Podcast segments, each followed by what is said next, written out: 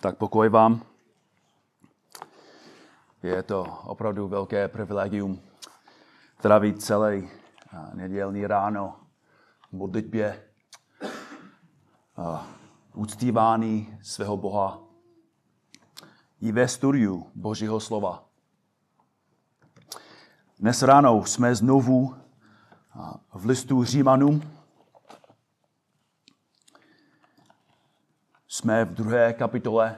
Před rokem a půl jsme začali úplně od začátku, od prvního verše. Jsme začali a, a dnes ráno máme před sebou druhou kapitolu, verše 6, nebo spíš 7 až 11. Římanům, Římanům 2, 6 až 11. A abychom měli ten kontext, abychom pochopili ten kontext, začneme spolu číst v první kapitole.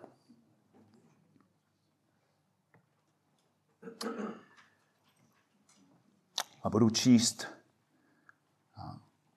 od 32. verše Římanům 1, 32, kde Pavel píše, ačkoliv poznali boží ustanovení ačkoliv pohaní poznali boží ustanovení, že ti, kdo dělají takové věci, jsou hodní smrti. Nejenže se sami činí, ale dokonce to schvalují i jiným, kteří je dělají. Proto si bez omluví člověče, a to každý, kdo soudíš. V čem soudíš druhého, v tom odsuzuješ sám sebe, neboť soudíš, ale sám činíš to tež. Víme, že boží soud je podle pravdy proti těm, kdo dělají takové věci. Máš za to člověče, který soudíš ty, kdo takové věci dělají a sám činíš to tež, že unikneš božímu soudu? Nebo pohrdáš bohatstvím jeho dobroty, schovivavostí a trpělivostí a nevíš, že boží dobrota tě vede k pokání? Svou tvr- tvrdostí a nekajícím srdcem si schromažďuješ hněv ke dní hněvu a zjevení spravedlivého božího soudu. On, Bůh, odplatí každému podle jeho skutku. Těm, kteří z vytrvalostí v dobrém skutku hledají slávu, česta a porušitelnost, dá věčný život. Avšak těm, kteří jsou sobečtí a neposlouchají pravdu, nýbrž poslouchají nepravost, odplatí hněvem a zuřivostí. Soužení a úzkost padne na duši každého člověka, jenž působí zlo, předně za Žida, ale i na Řecha. Avšak sláva, čest a pokoj připadne každému, kdo činí dobro, předně Židovi a také Řekovi. U Boha není přijímání osob u Boha není přijímání osob.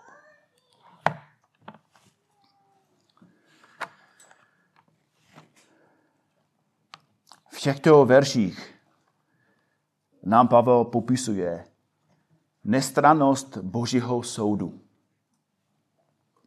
Jedním z velkých zel, které ničí náš svět, je hřík zaujatostí konkrétně zaujatosti v soudu. Je nespravedlivé, když je někdo nespravedlivě odměněn kvůli zaujatosti, nebo naopak, když někdo není spravedlivě potrestán kvůli zaujatosti. Milan a Marta mi několikrát vyprávěli příběh o svého syna, který ilustruje stejně zlo. Když bylo jejich synovi 11 let, srazil ho opilý řidič. v nemocnici ležel mnoho dní v komátu a lékaři si nebyli jistí, zda přežije. Musel postoupit velmi vážné a bolestivé operace. Do zlomených kostí mu byly zavedeny kovové týče, týče a čepy. Zránění, které při nehodě utrpěl, po, ho poznamenávají dodnes. Navzdory závažnosti nehody nebyl pachatel, který byl všem znám, nikdy trestně stíhan. Nedostal žádný trest, žádnou nápravu, dokonce ani pokutu, přestože málem zabil chlapce, když řídil opilý. Ani se chlapci, kterého málem zabil, nějak neomluvil a nic pro něj neudělal. Proč nebyl stíhán? Byl to policista. Odstátní policisté zatajili jeho zločin a nechali ho vyváznout bez trestu. A každý z nás ví, že to bylo velké zlo. Každý z nás ví, že to byla velká nespravedlnost. Ačkoliv se všichni shodneme na to, že takový zločin měl být potrestán a že policisté, kteří projevili zaujatost, měli být sami potrestaní. Miliony lidí nedokážou stejný metr uplatit na sebe a na Boha. Tisíce a tisíce, ani i miliony lidí se domnívají, že jim Bůh prokáže zaujatost, protože si myslí, že u Boha je přijímání osob. A to platí zejména pro věřící. Ať už jsou to židé nebo muslimové, katolíci nebo baptisté. Stovky tisíce, ba miliony lidí věří, že je Bůh přijme do svého věčného království kvůli jejich náboženství, etnické příslušnosti nebo takzvané morálce. Boží slovo však ukazuje pravý opak. U Boha není přijímaný osob. To je přesně, co vidíme zde v Římanům 2, 7 až 11. U Boha není přijímaný osob. V našem textu apostol Pavel uvádí principy použití a povahu nestraného božího soudu. Všimněte si našeho prvního bodu. Boží soud je ve svých principech nestraný. Boží soud je ve svých principech nestraný. Pavel říká v šestém verši, on odplatí každému podle jeho skutku. A ve verších 7 a 8 nám Pavel předkládá dva jasné principy, jak to funguje. První princip je, že Bůh odměnuje spravedlnost nestraně. Sedmý verš. Těm, kteří s vytrvalostí v dobrém skutku hledají slávu, čest a neporušitelnost, dá věčný život. Oni nepotřebovali spasení. Jsou dobří lidi. Oni jenom dostali to, co si zasloužili. Fráze v dobrém skutku ukazuje na spravedlivé činy mužů a žen. Ukazuje na jejich dobré skutky a činy. A dokonce i na poslušnost pravdě. Možná kvůli tomu, co Pavel píše, že, že poslouchali pravdu. Dobrá otázka je, jak, jak je to možné, že poznali pravdu. Jak lidé vědí, jaké spravedlivé skutky mají konat. Nebo podle toho, co Pavel píše v 8. verši, že někteří neposlouchají pravdu. Ale jakou pravdu? Pavel to do jisté míry objasnil už v první kapitole, když v 18. verši říká, že lidé v nepravosti potlačují pravdu.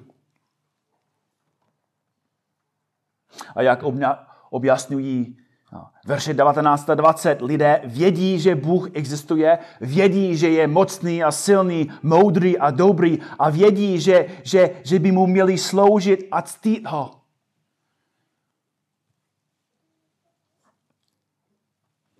To je pravda, kterou zná každý člověk.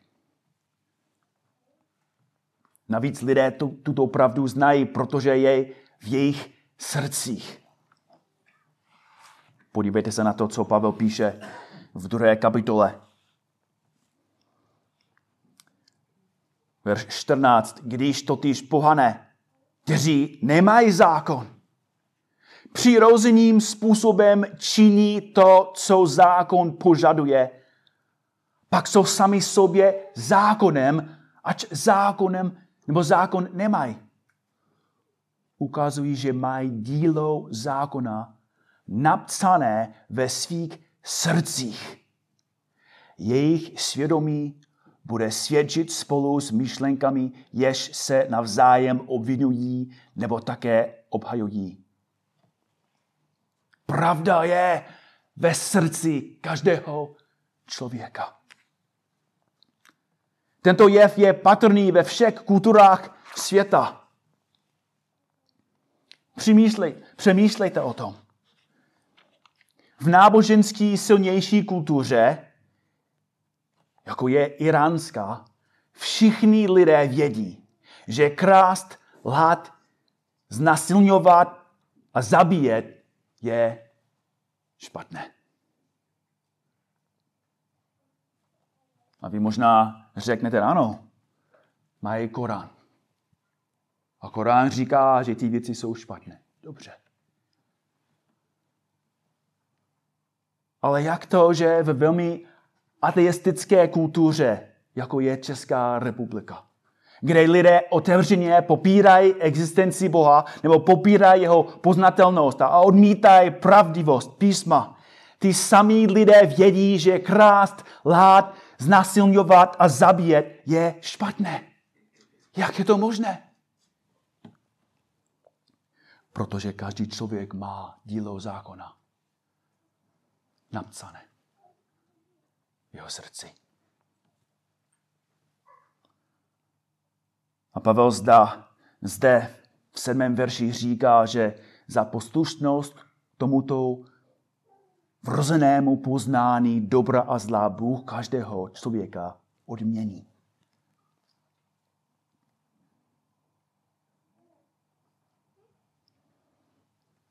Principy Božího soudu jsou jasné.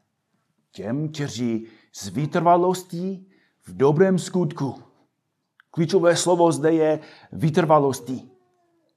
Jde o důslednost.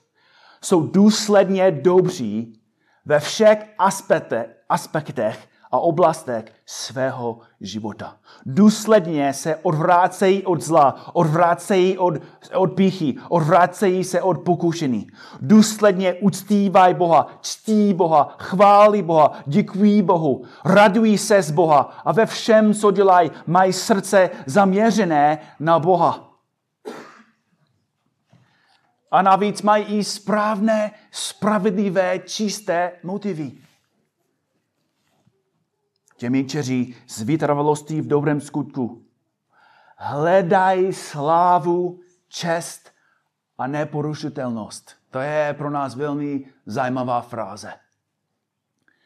Lidi, kteří hledají slávu. Já jsem si myslel, že, že hledat slávu je špatný pro nás jako křesťany. Že chceme být pokorní. Že lidi hledají slávu pro jejich krásu, peníze, těla. Dokonce hledají slávu pro jejich dobročinnost a štědrost. To je špatný, ale sláva, o které zde Pavel mluví, je, je dobrý druh, druh slávy. Ježíš se o něm zmiňuje v Janově evangeliu. V páté kapitole, verš 44, když konfrontoval, konfrontoval a káral farizeje. Jan 5, 44. Jak vy můžete uvěřit, když přijímáte slávu jední od druhých? Přijímáte slávu od lidí, ale slávu, která je od jediného Boha, nehledáte? Jinými slovy, existuje správný a špatný druh slavy. V Římanům 2.7 Pavel popisuje lidi, kteří hledají správný druh slavy, slávu od Boha. Hledají čest, dokonce porušitelnost. Hledají věčný, nekonečný život u Boha. A musíme dobře chápat, o jakému člověku Pavel mluví. Je to člověk, který je nejen dokonalý v poslušnosti, ale je také ochoten čelit veškerému opovržení, posměchu a dokonce i pronásledování a, a smrti, aby se zalíbil Bohu a dostal věčný život.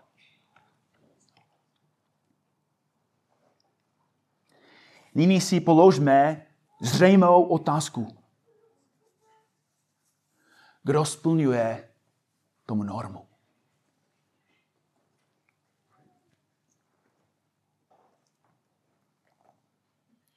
Pavel? Abraham? David? Já? Vy?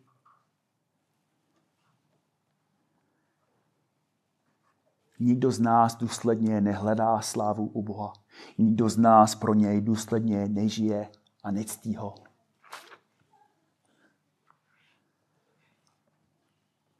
Myslím si, že druhý princip je princip, který mluví o nás. Druhý princip je opačnou stranou téže mince. Osmý verš. Avšak těm, kteří jsou sobečtí a neposlouchají pravdu, nejbrž poslouchají nepravost, odplatí hněvem a zuřivostí. Kteří jsou sobečtí, žije pro sebe, Bůh není Bůh není středem, není jejich touhou, neúctívají Boha, nemilují Boha, ani Bohu ne, neděkují. Navíc neposlouchají pravdu, nechtějí se podřídit Bohu ani ho následovat. Nýbrž poslouchají nepravost. Sloveso poslouchají je v přítomném čase průběhoven. Jinými slovy je to jejich životní zvyk. Neustále se obracejí ke zlu a padají do pokušení. Důsledně uctívají spíše stvořený než stvořitele, důsledně se snaží zalíbit sami sobě a, a prodloužit si život plný pohodlí a rozkoší bez ohledu na Boha. A Pavel říká, že její konec je děsivý. Těm odplatí hněvem a zuřivostí.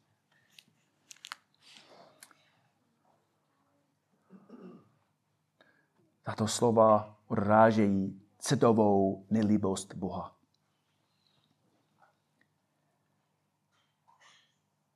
Často si Boha představujeme jako chladnou, odtažitou bytost, která sedí na trunu s kamenou tváří a je nám citově lhostejný. A ta slova ukazuje na to, že Bůh cítí. Bůh reaguje vnitřně, reaguje emocionálně. Má lásku ve svém srdci. Má dobré emoce a pocity vůči svým dětem. Ale zároveň má hněv, zuřivost proti těmi, kteří ho neposlouchají.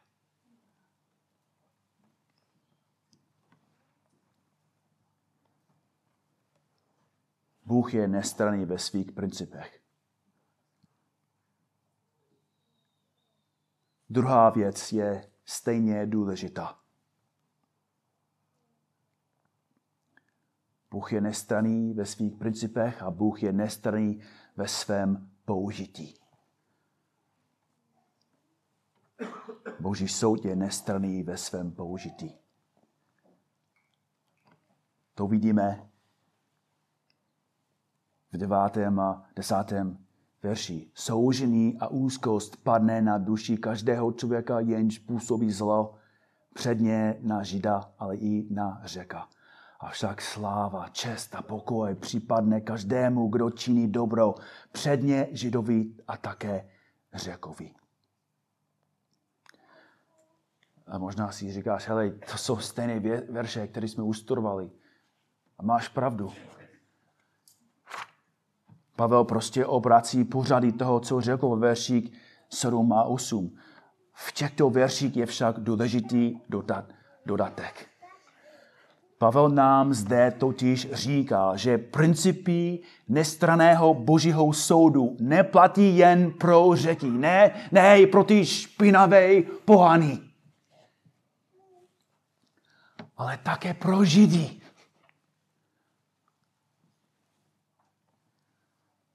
A musíme si vzpomínat na to, jak důležité to je ke pochopení této kapitoly. Pavel konfrontuje zde Židy, kteří si, si myslí, že být Židem znamená být spasen.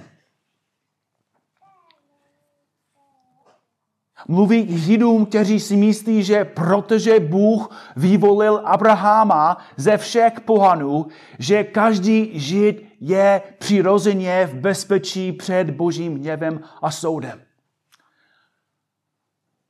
A Pavel říká, v žádném případě.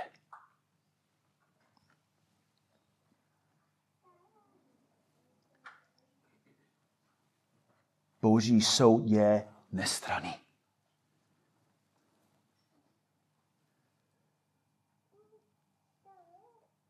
Což je přesně, co vidíme v posledním bodu. Boží soud je nestraný ve své podstatě. Verš 11. U Boha není přijímaný osob. Ekumenický překlad říká, Bůh nikomu nestraní. Řecká fráze je mnohem idiomačtičtější. Doslova říká, Bůh není pří, příjemcem tváří. Bůh není příjemcem tváří. Stejně jako dnes lidé ve starověku projevovali druhým lidem přízeň kvůli jejich tváří. Nebo jiným slovy, protože dotýtečného znali.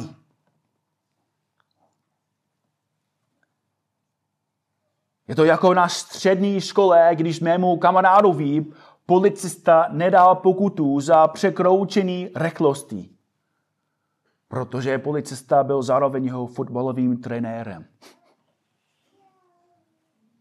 Nebo jako ten opilý řidič, který srazil se na Šobáňových, ale nevyvodil z toho žádné důsledky, protože sám byl policista. To se však při posledním soudu nikdy, nikdy nestane protože Bůh je nestraný. Je mu to jedno, jestli jsi žid. Je mu to jedno, jestli jsi byl pokřtěn. Je mu to jedno, jestli se modlíš 10 hodin denně. Je mu jedno, jestli jsi misionář, starší kazatel nebo papež. Bůh člověka nepřijme proto, že daroval ledvinu, nebo proto, že přežil holokaust. U Boha není přijímaný osob. Je něco přirozeně v nás, který působí takovou myšlenku, abychom si mysleli, že až budeme stát před Bohem, že nějak to bude v pořádku.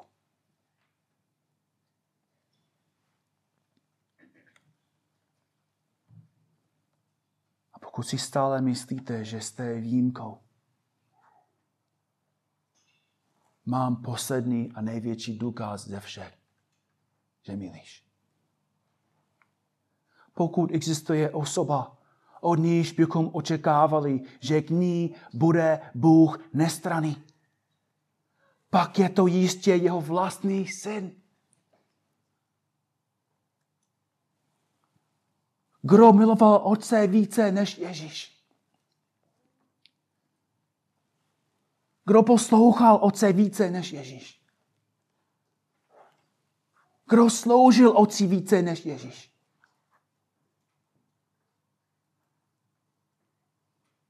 A kdo sloužil Ježíši více než otec? Kdo více miloval Ježíše než otec? Když však tento dokorlý, neposkvrněný beránek vzal na sebe hřích světa a vstoupil do přítomnosti všemohoucího Boha. Co Bůh udělal?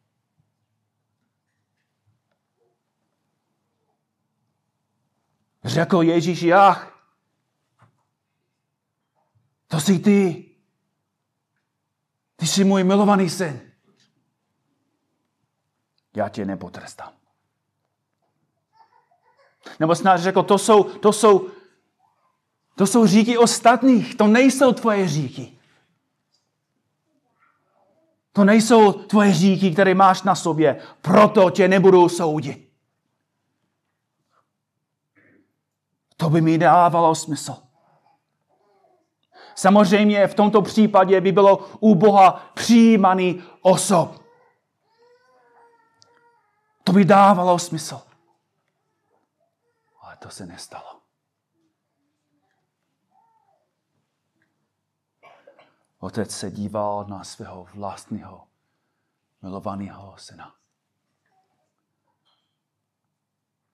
Viděl ho, jak měl na sebe naše hříchy. A potrestal ho. Zabil ho.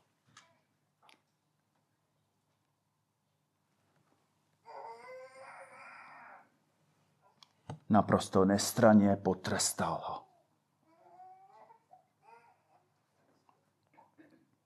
Otec na svého vlastního syna celou zuřivost svého hněvu vylil. A dá mu vypít kalich svého hněvu až do dna. Jak je to možné? Jak je to možné, že Bůh potrestal svého dokonalého syna? Protože u Boha není přijímaný osob.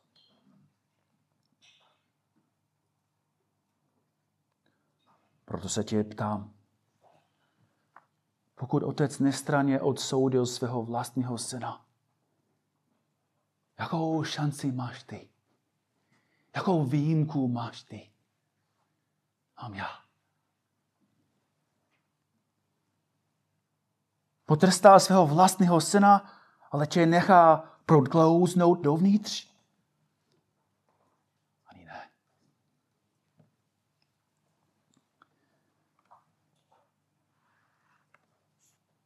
Proto se musíme ptát, proč vůbec tento text? Jestli, jestli každý je tak špinavý a říšný a pokud ani jeden z nás má příležitost dostat dovnitř na základě našich takzvaných dobrých skutků, jakou šanci máme, jakou příležitost máme. Proč nám všem Pavel ukazuje, jak jsme ztracení? Proč nechává všechny lidi v zoufalství? Proč nás všechny nechává zatracené?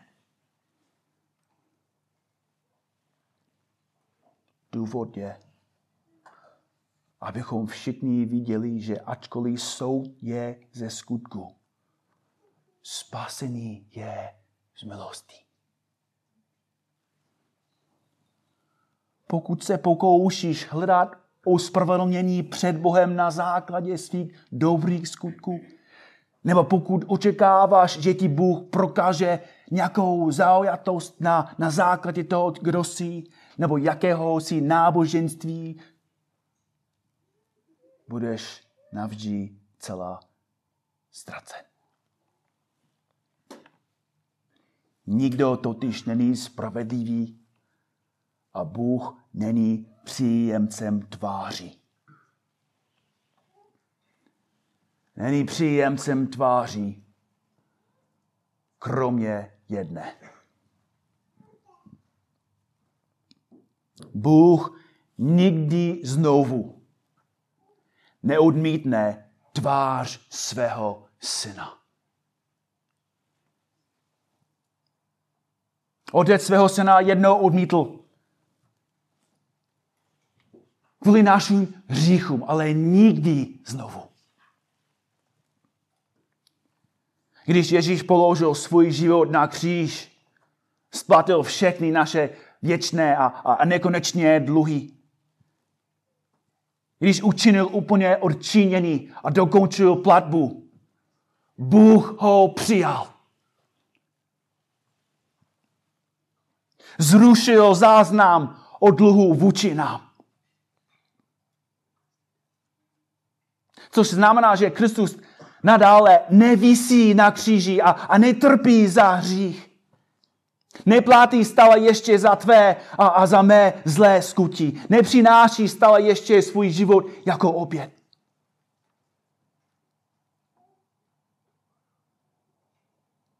Ježíš dokončil své dílo. Na kříži zvolal, dokonáno jest. Dokonáno jest. A jen potom zemřel. Dokonanou jest. A sklonil svou hlavu. Vypustil svého ducha. Protože uhasil Boží hněv vůči nám. A aby každý měl důkaz toho, že to zvládl sám že úplně zaplatil za náš dluh. Ten Ježíš Kristus vstal z mrtvých. Jak jsme četli dnes ráno, na konci čtvrté kapitoly.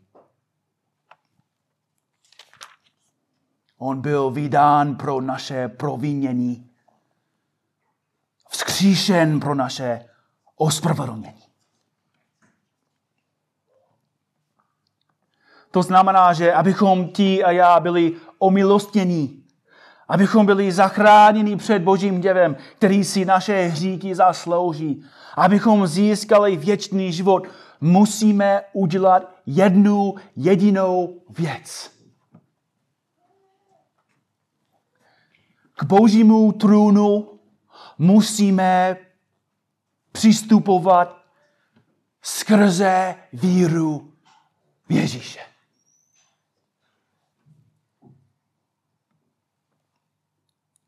Můžete se dostavit k soudu s Možíšem, ale milosrdenství se vám nedostane. Můžete se dostavit k soudu s Abrahamem, ale milosrdenství se vám nedostane. Můžete přijít na soud s Izákem, Jákobem, Iziášem, dokonce i s Pavlem.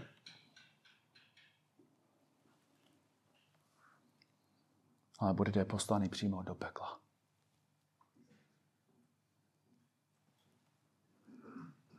Pokud se však objevíš s Kristem, pokud zemřeš s ním po boku, pokud vstoupíš na soud s ním jako se svým obhajácem, pokud vstoupíš na soud a prosíš Ježíše Krista, aby mluvil a obhajoval tě, budeš spasen na věčnost a vstoupíš přímo do nebe.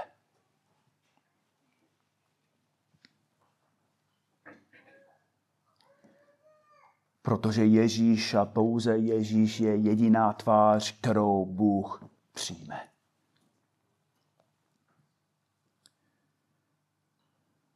Pokud budeš souhlasit s Božím soudem, pokud budeš souhlasit s tím to, co si zasloužíš, pokud budeš správně a pokorně souhlasit s tím, že jsi hřešník, hříšník, jako já, jaký je každý z nás, jaký byl i poštol Pavel. Jestli budeš vyznávat svůj hřík a vinu a požádáš Ježíše Krista, aby tě zachránil, on to udělá.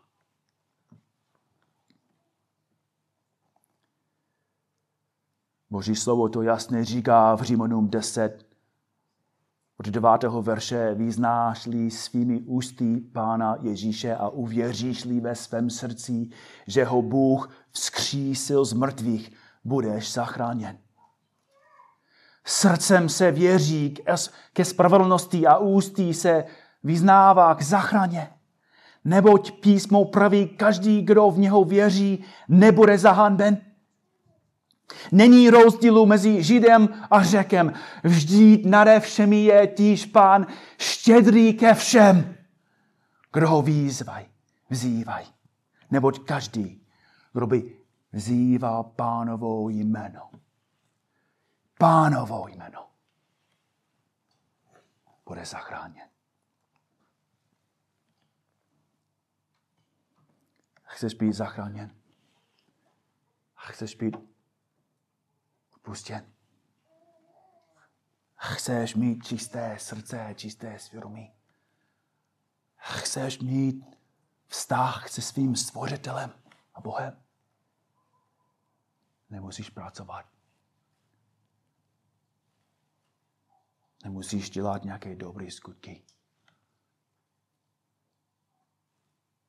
Nemůžeš se marně se snažit dělat dost abys mohl získat spasení. To nezvládneš. Musíš jen věřit, že Ježíš Kristus je spasitel a pán.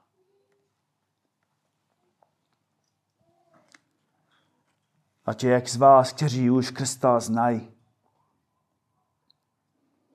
kteří pravidelně chodí, pravidelně zpívá,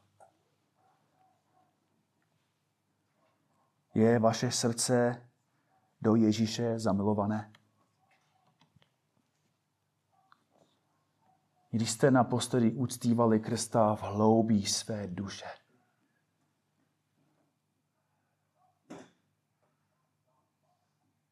Kdy naposledy pravda o vašem spasení vyvolala ve vašem srdci intenzivní vděčnost kdy naposledy ve vás pravda o tom, co pro vás Kristus udělal, vyvolala pláč. Kdy naposledy vaše modlitby nebyly jen slovy z vašich úst, ale stéhnáním z vašeho srdce.